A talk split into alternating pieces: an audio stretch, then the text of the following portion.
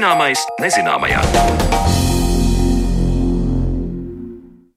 Esiet sveicināti raidījuma zināmais nezināmajā un Sandra Kropa kopā ar jums, un šodien mēs pievērsīsimies vēsturei. Raidījuma otrajā pusē runāsim par to, kāds 19. gadsimts bijis Latvijas valstiskuma veidošanās procesā, bet līdz tam vēl pievērsīsimies kapu kultūrai Latvijā un precīzāk parunāsim par metāla kroņu tradīciju. Kapu kultūra Latvijā patiešām ir tradīcijām bagāta. Pirms kāda laika raidījumā zināmais nezināmajā esam stāstījuši par krusta kokiem Latvijas ziemeļaustrumos, bet šoreiz pievērsīsimies metāla kroņu tradīcijai. Arī metāla kroņi tiek veidoti kā piemiņas zīme, un to vidū atrodami gan atsevišķi kroņi, gan vesels metāla kroņu vannas. Cik sena ir šo tradīciju un kur to Latvijā varam novērot, par to interesējās mana kolēģi Mariona Baltkalni.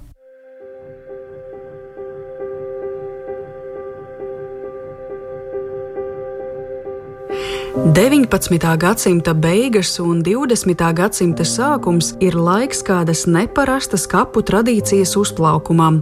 Paralēli dabiskajiem vainagiem, īpaši ziemas periodā, turīgāki cilvēki izvēlējās metāla kroņus un metāla kroņu vannas, un ar turīgajiem cilvēkiem mēs šajā gadījumā saprotam latviešus. Metāla kroņu tradīciju piekopa arī vācieši, atsevišķos gadījumos tradīcijas objekti novēroti arī citu tautību pārstāvju kapiem, Tomēr Latvijas teritorijā tā bijusi tipiska latviešu tradīcija. Laika gaitā secināts, ka tā bija izplatīta arī Igaunijas teritorijā, un kā Latvijas tā Igaunijas gadījumā tā izteikta luterāņu konfesijas pārstāvjiem.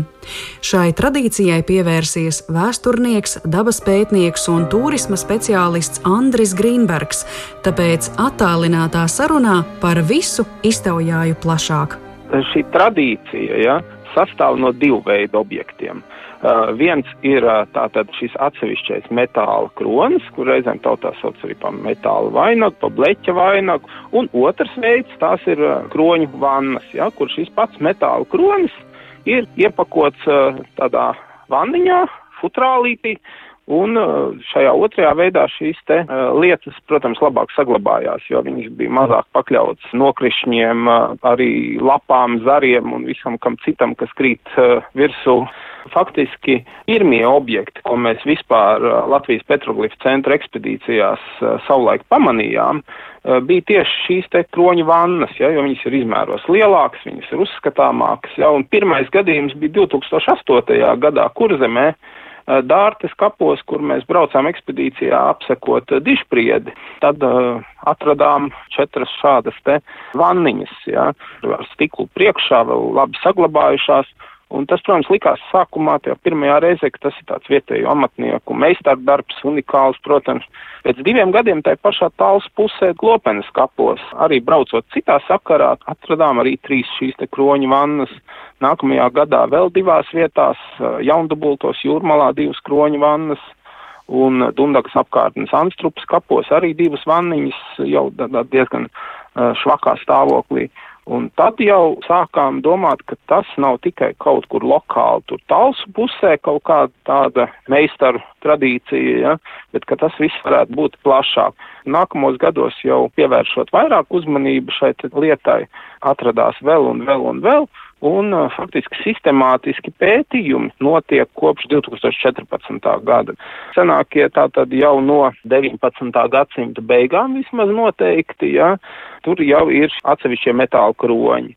Un visa tā tradīcija turpinās līdz 20. gadsimta 30. gadiem, ja, un uh, apmēram no desmitajiem gadiem tad ir arī šis te metāla kroņu vannu laiks, ja.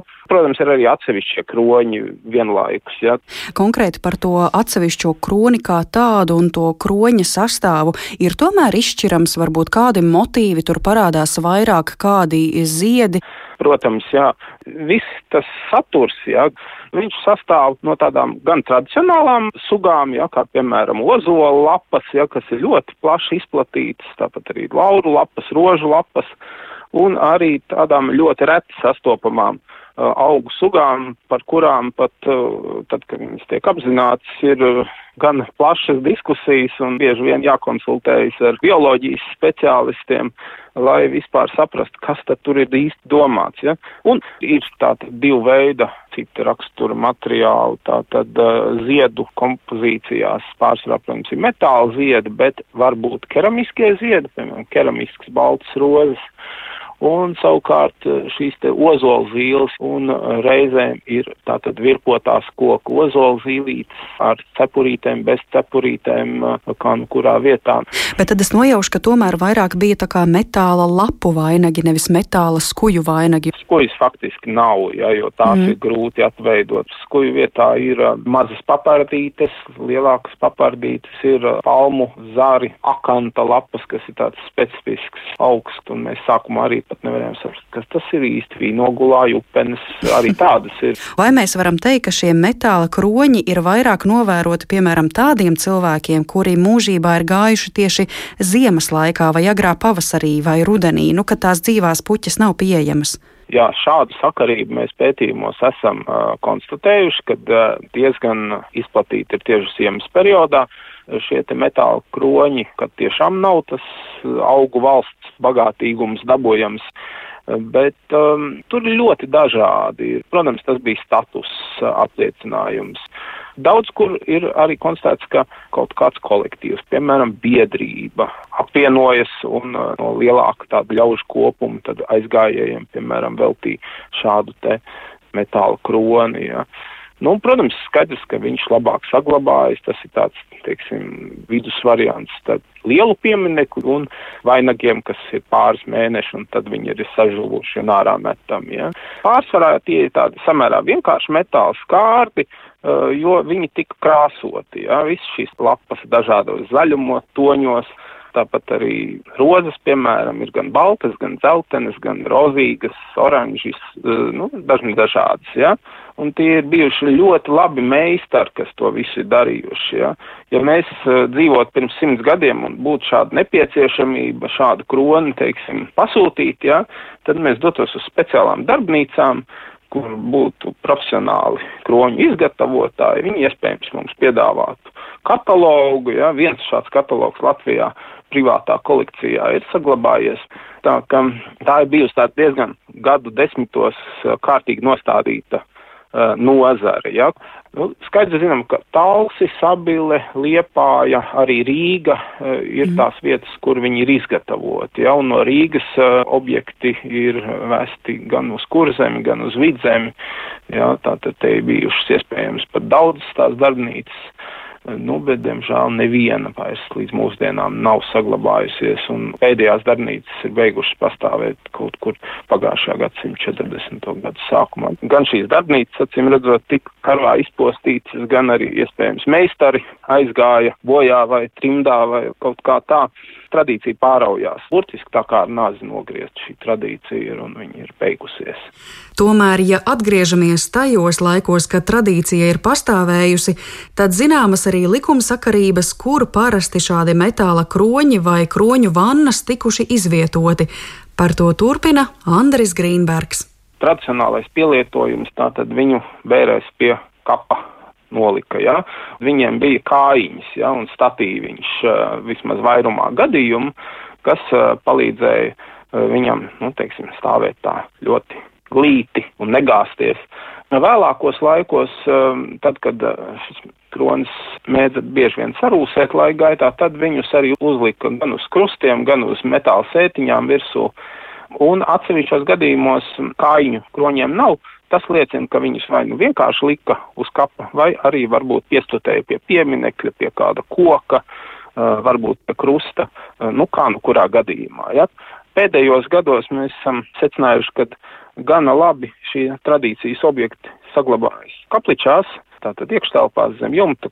Nu, lielākais tas ir jaunrauna, kur vienā pašā krājumā 53 metāla kroņi, kas ir lielākā šāda te tradīcijas objektu grupa kopums visā Baltijā. Šobrīd es varu pateikt, ka pa visu Latviju mums ir zināmas 365 vienības. Ja, tātad tie gan ir atsevišķie kroņi, gan kroņi vanniņas. Ja. Tā pašā laikā jāsaka, ka gandrīz 300 kapsētas, kas ir izpētītas, ir tādas, pa kurām jāsaka, ka diemžēl tukšs, jā, tur vairs nav nekas. Nu, bet uh, liela daļa teritorijas vēl ir pētāma un šobrīd ir apmēram 70 vietas, kas ir pārbaudāmas, pa kurām ir šī ziņas, jā, ka tur kaut kas ir vai ir bijis. Ir tādas, kas ir sazvanītas, apstiprinātas, teiksim, ar pārvaldnieku informāciju, ka vēl ir, jā.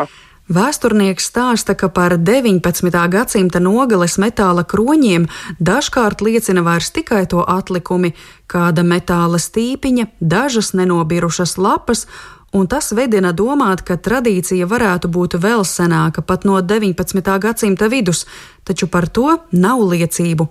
Kaut ko no šīs tradīcijas esam zaudējuši metāla vākšanas buma laikā, pagājušā gadsimta 90. gados, Un arī tagad mēs katru gadu ko zaudējam. To ietekmē dabas procesi, koka ozolzīles var sagrauzt žurkas, kaut kas tiek izmests ārā.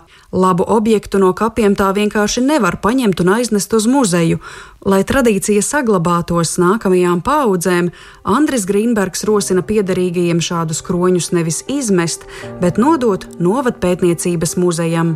Šobrīd Latvijā trīs muzejos ir šie tradīcijas objekti divās vietās ir kroņu vanniņas nogādātas, un vienā vietā ir metāla kroņu skapīts ar visiem metāla kroņiem. Ja, tāds unikāls atradums bija pagājušajā gadā Zemgalē, un tad nu, uz Dobeles muzeja tika aizgādāts nu, absolūti unikāls, kurā četri kroņi iekšā, un šis ir vienīgais metāla kroņu skapīts, kas Latvijā šobrīd ir zināms, kas ir saglabājies un šis unikums būs ar laiku mazliet restaurēts, iespēja robežās un dobelē muzejā apskatāms. Pēdējo septiņu gadu laikā metāla kroņu tradīcijas sakarā īstenoti astoņi projekti.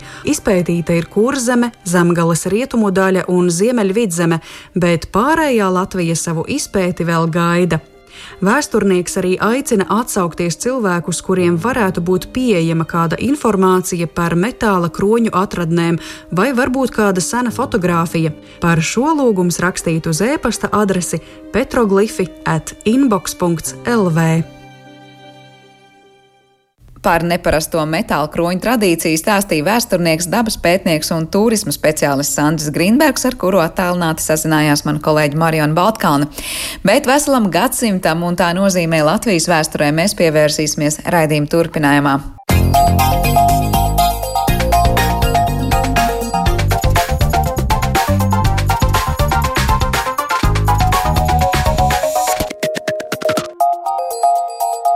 Zināmais nezināmajā. Tik, tikko klajā nācis rakstu krājums par Latvijas 19. gadsimta vēsturi, kas apkopo dažādu pētnieku referātus par laiku, ko mēdz saukt arī par garo gadsimtu. Kāda ir 19. gadsimta nozīme Latvijas valstiskuma veidošanās procesā un kādas vēl jaunas atziņas ir izdevies gūt? Lai par to visu runātu uz mūsu sarunu attālinātajā studijā, esam aicinājuši šī krājuma sastādītāju un atbildīgo redaktoru, līdz ar to arī, protams, vienu no autoriem - Latvijas Universitātes vēstures un filozofijas fakultātes universitātes profesoru, kā arī Latvijas Universitātes Latvijas vēstures institūta direktoru Gvido Straube. Labdien! Labdien! 19. gadsimtu, nu, var teikt, nu, pasaules vēsturē mēs noteikti saistam ar tādu lielu, lielu pārmaiņu laiku. Tur revolūcija, te, e, rūpnieciskā un vēl daž, dažādas, nu, tiešām lielas lietas pasaules vēsturē ir notikušas. Tur verdzība daudz kur pazūd un impērijas savukārt kādas brūk un kādas veidojās. Bet e, kā jūs raksturot, kas Latvijas vēsturē ir 19. gadsimts? 19. gadsimts, jā, tas ir ļoti, ļoti īpašs laikam gadsimts, un šajā te simtgadē, kuru gan, gan pasaules vēsturē, gan arī Latvijas vēsturē pamatot, to sauc par ilgo, jeb garo gadsimtu, jo, jo tas faktiski sākās jau, ja, ja parasti vēsturnieki mēdz skatīties jau kaut kur no pēdējās desmitgades 18. gadsimtā, un tad ievākt to līdz kādam 20. gadsimta Pirmā pasaules kara tiem gadiem. Ja? To, tas ir vairāk nekā tie simts uh, tradicionāli gadsimta gadi. Uh, un, un šis gadsimts ļoti bagāts ar notikumiem, kuri faktiski lielā mērā notiekuši to, kāda uh, dzīve ir, ir, ir gan visā Eiropā, gan arī Latvijā šodien. Uh, un, uh, kā jau jūs jā teicāt, tur ir ļoti daudz lielu notikumu. Un, ja mēs runājam konkrēti par uh, mūsu mīļo jauko Latviju, tad dabiski pirmkārt ir jāatcerās slevenos uh, dzimbušanas atstāšanas notikums. Uh, tā ir viena ļoti svarīga uh, lieta, kad ja mēs runājam, ja paliekam nedaudz pie zemniekiem, tad dabiski jāatcerās arī 1849. gads, kad vidzemē uh, tiek izdoti zemnieku likumi, kas faktiski rada to uh, uh, nu, zemniecības pamatu, tos bagātos saimniekus, kas varbūt lielā mērā ietekmē Latvijas uh, attīstību un, un, un tādu ļoti spēcīgu agrāro bāzi 19. gadsimta otrajā pusē. Lielā mērā arī spēlēja savu nozīmi arī 20. gadsimta sākumā un, un, arī Latvijas valsts veidošanā. Uh, tā, tā, tā ir tāda svarīga lieta. Tas ir viens otrs uh, ir svarīgs ir, uh, moments, kad tās ir tās divas lietas, ja, ko jūs saucat arī par rūpniecisko apvēršanu, tātad industrializācija un urbanizācija, kur sāk mainīties Latvijas sociālā struktūra, jo lauki kļūst ne tik strauji, bet tomēr nedaudz mazāk apdzīvoti un strauji aug pilsētas, līdz ar to arī parādās industrija, parādās rūpniecība, līdz ar to pieaug strādnieku apjoms pilsētās, veidojās liela uzņēmēji, Tas arī maina to, to, to, to, to sabiedrības struktūru. Tad citas lietas, ja, tad, tas, sociālās kustības, nu, ko mēs mazāk varbūt pieminam, bet tie ir slavenie veclatvieši, kas uh, iekustina kaut kādas procesus, jo sevišķi uh, latviešu prātos uh, un varbūt arī sirdīs, un pēc tam nāk jaunatvieši, kas ir ļoti būtiski izmaina latviešu attieksmi. Pirmkārt, topošo latviešu attieksmi pašiem pret sevi un pret, pret to vietu un vidi, kurā viņi, viņi dzīvo. Un, un lielā mērā tas, kā jaunatvieši tas ir jau 19. gadsimta vidus otrā pusē, tas lielā mērā man liekas, viņi sekmē to, ka mums ir sava valsts samērā ātri, jo ir šie laikā tieši nobriest tie, tie cilvēki, kas ir gatavi cīnīties par uh, neatkarīgas valsts ideju. Tātad tās visas lietas kopā sajiet, ka beigās uh, trakie uh, sociāldemokrāti, jaunstrāvnieki, kas varbūt darīt nu, kaut ko arī labu, bet arī diezgan daudz ziepes, ar to pats 95. gadu. Tā kā 19. gadsimts ļoti blīvs, ļoti pilns ar dažādām lietām. Tā ir arī uh, inteliģence, tā ir uh, mūzika, tā ir uh, māksla, ir latviešu uzņēmēji. Tā kā, uh, tās izmaiņas ir ļoti, ļoti apjomīgas.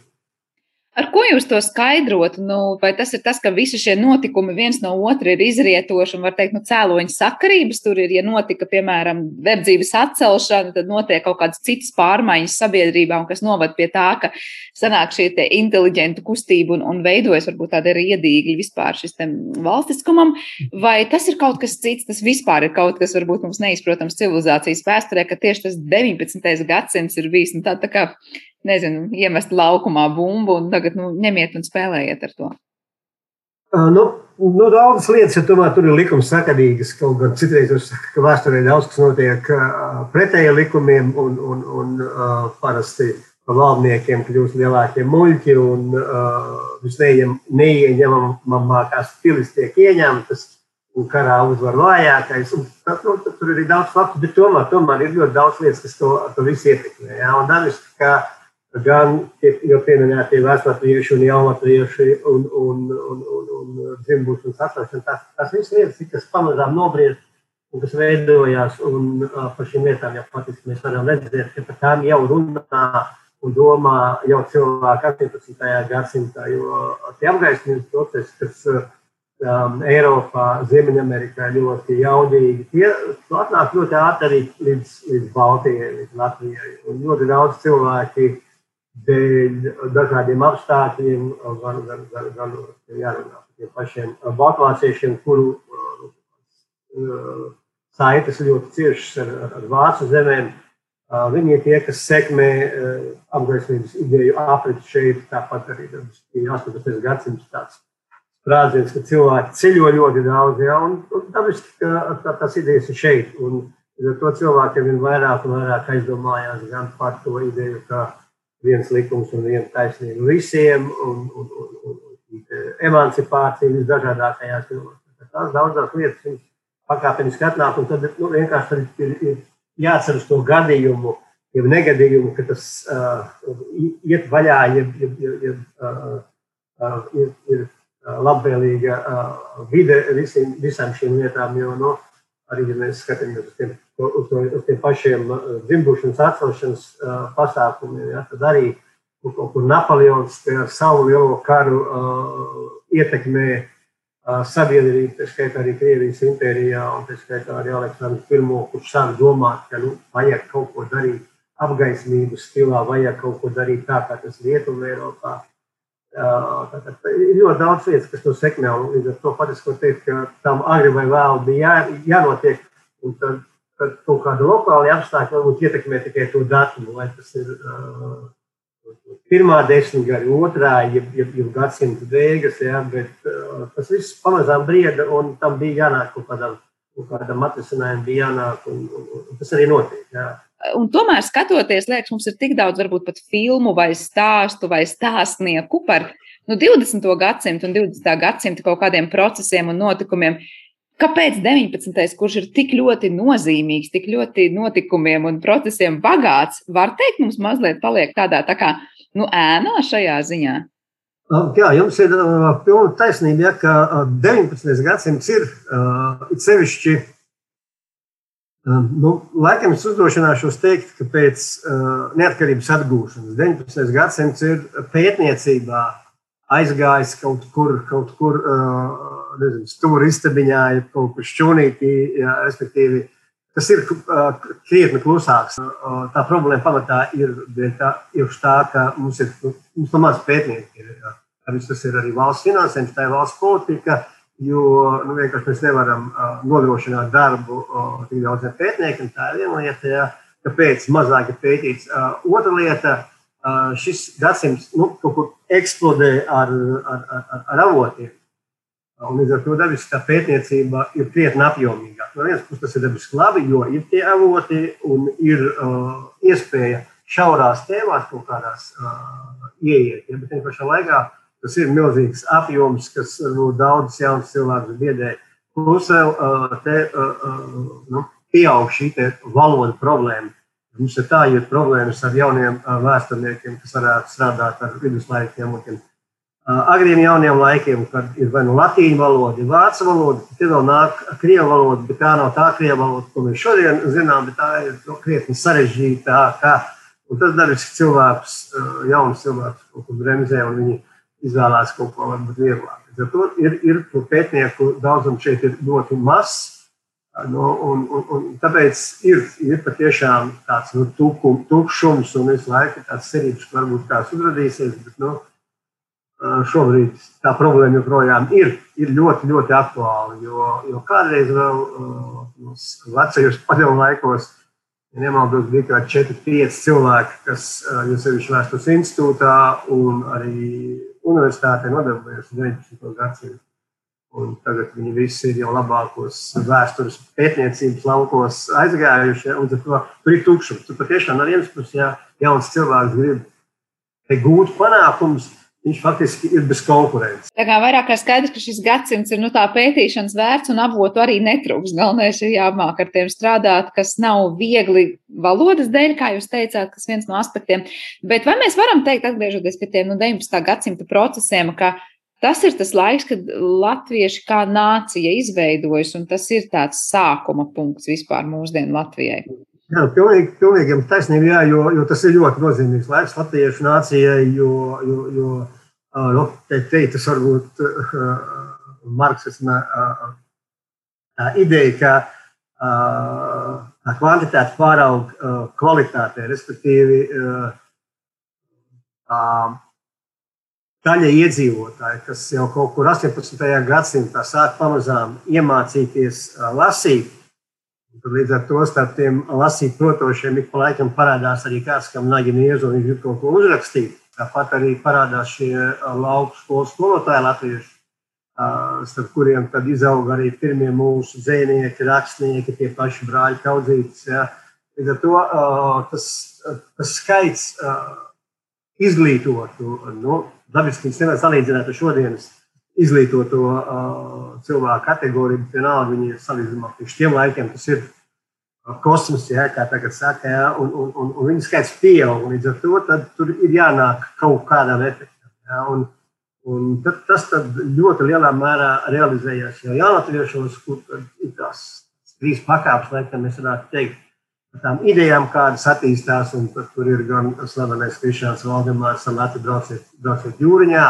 Tas ir nu, ļoti svarīgi priekš nācijas, kad parādās cilvēki naudu un, un, un, un parādās uzņēmēji arī uh, krājumā, uh, kura kontekstā mēs šodien runājām par 19. gadsimtu, kas nu, tika prezentēts Nacionālajā bibliotekā, ir Mārtiņa Mintaura raksts par pirmajiem latviešu uzņēmējiem, kas faktiski būtiski ietekmē arī šodienas Rīgas izskatu, kas būvē, un, un, un, un, un tad ir tas jaukais viņu vairāk, ja sevišķi būtu jāpiemina, Morbergs, kas pēc tam dod savu, nu, atbalstu Latvijas augstākajai izglītībai, dāvinādams universitātī mājas 20. gadsimtā. Tā kā tās izmaiņas ir patiešām būtiskas un uh, nācijā kopošajā, tad parādās tie cilvēki, kas to var darīt. To, ko uh, Nacionālā atmodu kustība teorētiķi ļoti labi saka, ka ir jābūt tiem trakajiem. Un tieši 19. gadsimtā tie trakie top un sāk rakot un sāk kustināt tos cilvēkus, aicina mācīties. Un, un, un, un tad ir sākums varbūt grāmatas, literatūra, teātris, un tā tālāk ir dziesmu svētki, un tad laiku uzņēmēji, un tā tālāk un nākošā pakāpe ir birokrātija un, un, un, un, un politikā iesaistās cilvēki un saka, cīnīties par tiesībām.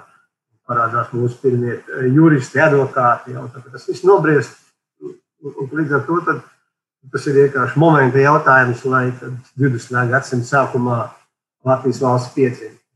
Bet tā pati pašapziņa par sevi kā nāciju arī, var teikt, ir gatava jau tajā laikā, kad parādās šie pirmie iedīgļi un tie pirmie, varbūt, nu, ideju paudēji, vai tā sajūta bija tāda, ka viņu prātos tā nācija bija, bet reāli tajā tautā vēl tā ideja nebija iesakņojusies.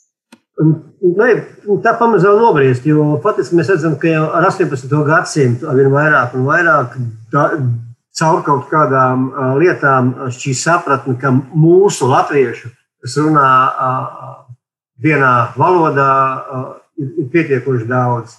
Te varbūt man jāpiemina mans jaunības grēks, Herkūtiešu brāļa draugs, ko es kādreiz pētīju, un izrādīja, ka doktora darbu tieši, manuprāt, brāļa draudzē sāk diezgan labi parādīt, parādīties par sapratni, cik, cik mūsu latvieši ir daudz, jo, jo viņi pirmie varbūt sāk nojaukt robežas starp mūžām, draugiem, aprīkiem, to savu mobilitāti, pasākumos dažādos, un tas rada tādu sapratni, ka, oh, mēs neesam tikai tur desmit, simti tur vienā mūžā, ja tur kāds tūkstotis, ir divi, trīs tūkstoši draugi, bet, bet mūsu krietni vairāk. Un tad, kad jau ir cilvēki, kas māca šo saprāšanu, ieteikt jau arī kaut kādās idejās, sākumā jau, jau, jau tā sapratne var būt diezgan vienkārša. Viņa pašā draudzē nu, būt vienkārši eh, labam kristietim, eh, kārtīgam, disciplinētam, strādīgam un, un, un ar to arī uh, pietiek. Ja, bet nu, dabiski parādās līderi, kuri grib kaut ko vairāk. Un, tas Latvijas variants šajā ziņā varētu teikt, ka tiešām nu, varētu teikt, ka unikāls man tā liekas, ir salīdzinoši. Mēs ļoti daudz tādu piemēru neatradīsim. Viena tā varbūt labā lieta, ja arī no otras puses, ka mēs mūžīgi sevi salīdzinām ar Igauniem, tad mēs esam šeit līdzīgi. Tad gan Latvijā, gan Igaunijā tas process ir uh, adekvāts. Bet daudzām citām nācijām tas ir bijis daudzu gadsimtu garumā. Mums tas ir patiesībā knapi gadsimts, kad mēs sākam uh, mainīties apgaismības gadsimtā, 18. gadsimtā. Un tas process jau dod produktu, kvalitatīvu produktu 19. gadsimta vidū. Tad simts gados mēs izējām to ceļu, ko daudzas nācijas uh, iet gadsimtiem uh, ilgi līdz beidzot nonāk līdz nacionālajai atmodai. Tā kā šajā ziņā mēs patiešām pateicoties tai vēsturiskajai situācijai, nu, esam ma mazliet savādāk nekā citas, nu, arī ļoti forši. Bet kā, ko tieši jūs domājat par to mazliet citādo vēsturisko situāciju? Nu, kāpēc simts gados mums izdevās tas, kas citām nācijām prasīja vairākus gadsimtus? Jā, nu, te jārunā par to, ka mēs esam ilgu laiku šī nepilnīgā nācija, bet tas nenozīmē, ka mēs esam nepilnīgi garīgā ziņā, bet vienkārši mums ir tā struktūra. Mums ir tikai, tikai varētu teikt, totāla zemniecība. Mums nav sava inteliģence, mums nav sava aristokrātija, mums nav sava uh, militārā uh, kaut kāda uh, ko, uh, kopiena, kur ir nu, dažādas pakāpes, kas ir virsniecība, kas ir tāds sava veida inteliģences uh, atzars, ja, kas mums nav. Līdz ar to mums nav cilvēki, kas varētu tad, uh, ilgstoši uh, ar šo garīgo darbu uh, kaut kādas idejas uh, kultivēt. Un, un, un, un tāpēc ir tā interesantā lieta, ka tas piezīmes. Ja, jo, jo, nu, tas ir tas šekspīriskais jautājums, būtu vai nebūtu, kad, kad mēs dabūsim tos cilvēkus. Ja. No kosmosa mums neviens tos neatradīs uh, kaut kur. Uh, lielajās lādēs latviešu zemnieks neatradīs, tad tam ir, tam ir jārunā. Un tā inteliģence parādās, nu, ja, ja būtu, teiksim, kā tas ir citām, pašiem lietuviešiem, ja viņiem tomēr ir kaut kur nedaudz vieglāk, tad pašā laikā mēs viņus apzinām, jo viņi no, kaut kur ieiet tādā citā ceļā, ja, bet viņiem jau tomēr tā nacionālā inteliģence ir varbūt vairāk jārunā par aristokrātiju. Tā viņiem ir, ir, ir savi aristokrāti, kas ir ļoti augstu līmeņa. Polijas, Lietuvas dubultu valstī nozīmīgajā pat Lielbriģē. Latvijā un Igaunijā tas nav. Ja tur arī bija daži mūsu senči, kas bija kļuvuši par, par, par, par mužniekiem un, un, un, un, un germanizējušies. Faktiski viņi jau 18. gadsimtā vairs nu, nedomā īpaši par saviem tautiešiem, ja vispār nedomā, varētu tā teikt, par šlīveni un, un vēl dažādiem Līdz ar to mums tas ir jādabū pašiem. Ja? Un, un, un, nu, nav tā, ka nu, viss notiek pats par sevi. Tur jau arī vainīgi ir arī uh, tie jaukie mācītāji, luterāņi, vidzemē kurzemē, ko es rakstu savā rakstā šajā krājumā. Ja? Viņi faktiski nu, radīdami dažādus amatus, tā skaitā šos ķēsterus, šos pērminderus, šos lauku skolu skolotājus, viņi sekmē to, ka sāk parādīties cilvēki, kas arvien vairāk un vairāk savā ikdienā domā ar galvu, lasa, raksta. Un, un, un, un to viņi paši to negribētu. Viņi paši sev par sliktu sekmē latviešu inteliģences dzimšanu.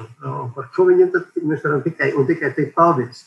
Jā, pirms es jums vaicāju vēl par to krājumu un to, ko citi pētnieki vairāk ir apzinājuši par šo gadsimtu. Jūs teicāt par tiem hernhūtiešiem un to, kā viņi apzināja to, ka patiesībā latvieši ir daudz vairāk nekā varbūt viņi paši sākotnēji cilvēki domāja.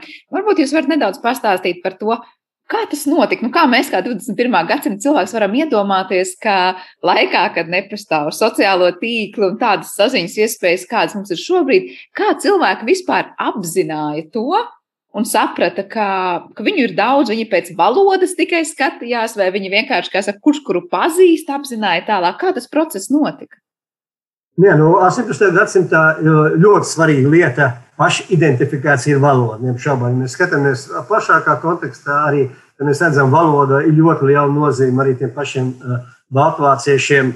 Uh, tā vācu valoda arī uh, ļauj kaut kā uh, īpaši identificēties gan šeit, gan arī, kad viņi dodas uz uh, to citu vācu valodīgo telpu, uz, uz, uz vācu zemēm, un, un, un tad tur viņiem bieži ir tas konflikts.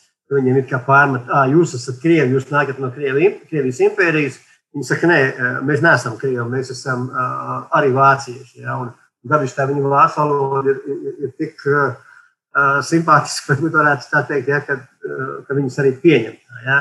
Uh, tas pats ir ar latviešiem. Arī dabiski viņi uh, identificējās pirmkārt jau caur šo valodu, otra lieta ir šī ticība. Un dabiski, tad, ja mēs runājam par šīm te teritorijām, vidzeme, kurzeme, Latvijā varbūt nedaudz savādāk tās visas lietas, bet tur, tur lielā mērā tas iet caur Lutherisko baznīcu. Un brāļa draugs tā sekmē šo, nu, varbūt kā mēdīs, viņi sekmē to, ka cilvēki iziet no savām robežām, kurās viņi regulāri ilgstoši dzīvojuši, jo jāsaka, tas dzīves stils ka cilvēki ļoti maz kustās. Cevišķi, ja mēs runājam par zemniekiem, kuru tā dzīves telpa ir ļoti ierobežota, varētu teikt, ka tas, tas pirmais minimālais lokus ir vienai lielai daļai mājas, kur viņi dzīvo, tātad saime, un ar, ar, ar tām teritorijām, tātad, kur ir lauki, ganības un, un Un tas svētdienās ir tās, tas laimīgais brīdis, kad redzot uz baznīcu.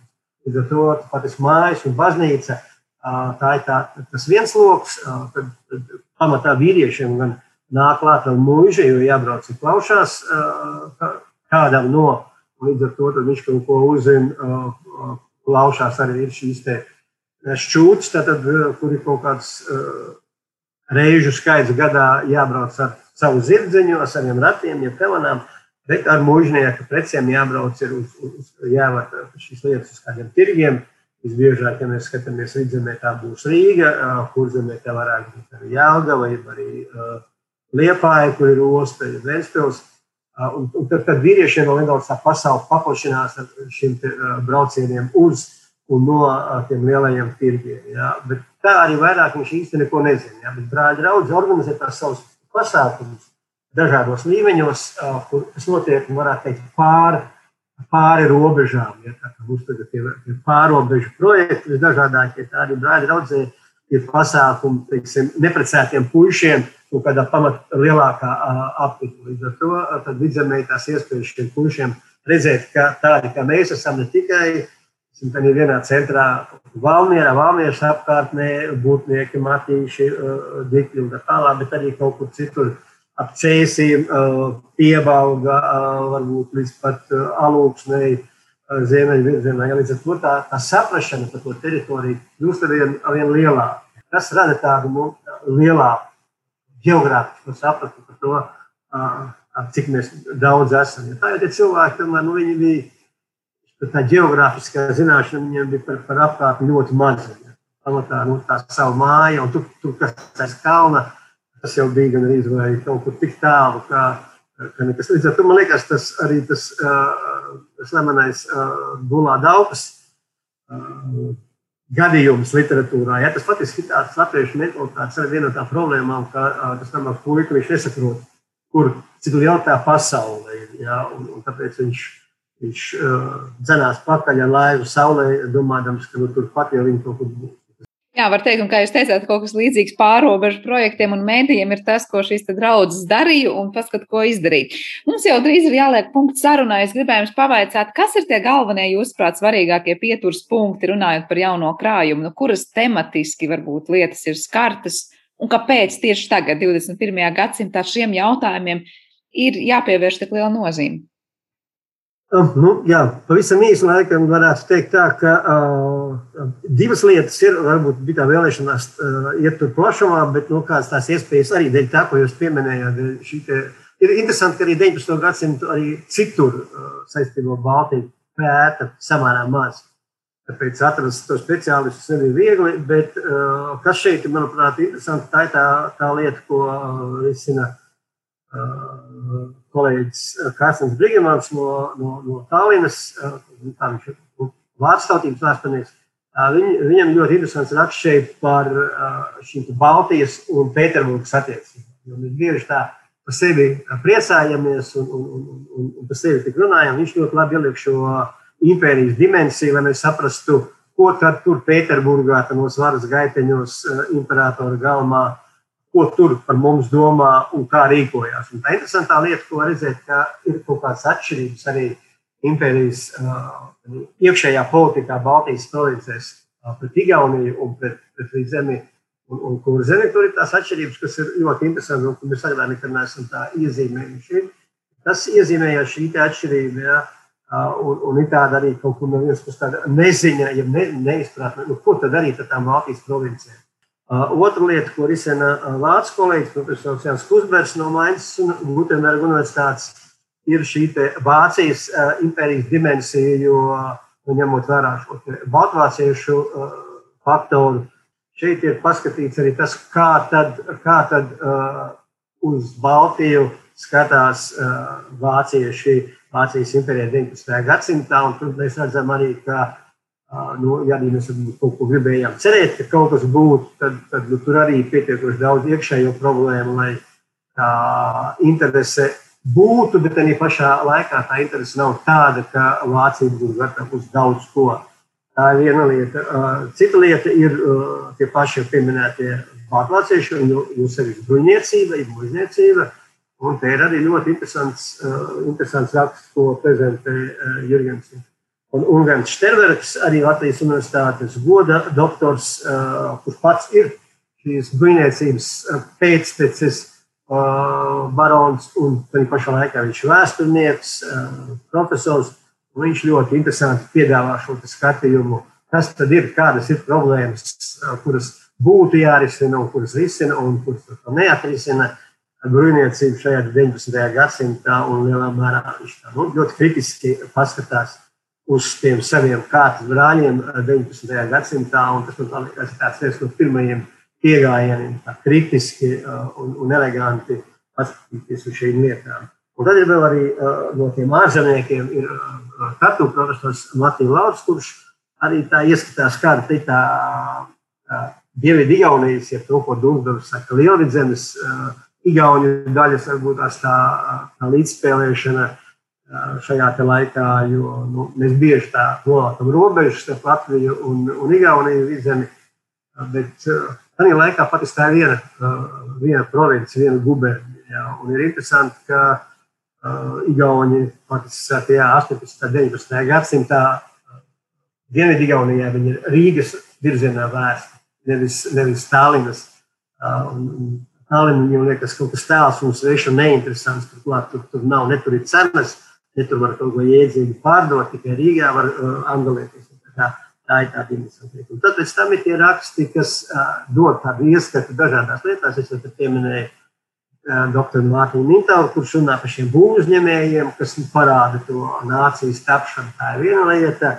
Tad literatūra vēsturnieks Pauls gāja runā par literatūru, jo tā arī ir tā īpašā varbūt stīga, kas veido šo inteliģenci, tātad literatūra, rakstniecība, kas izglīto latvieti. Ja, un, un viņš paskatās, kā tas top, kas tas ir, kā tas veidojās. Ja, līdz ar to tāds ļoti kompakts skatījums uz, uz, uz šīm lietām. Tad ir mūzikas vēsturnieks Zane Prēdele, kas runā par mūziku, jo, jo kā es pieminēju, tad nu, ir dažādi virzieni, kas veidojās. Mūzika ir tā varbūt viena no interesantām lietām, kas viņi atmodā arī nospēlē savu, savu svarīgo lomu, jo nu, galu galā nu, viens no tiem jaunatviešu radītajiem bērniem dziesmu svētki ir tas, kas šodien mums ir viens no mūsu nācijas lepnumiem. Ja? Tāpēc runāt par mūziku profesionālo, tas faktiski sākās kaut kur ar cimzi, un tur ir tās herkūtiskās saknes, varbūt par to liekšā diezgan spēcīgi. Un Georgs Nēkens, kur atkal ir herkūtiskās saknes, jau tas ir tas dziesmu svētku idejas autors.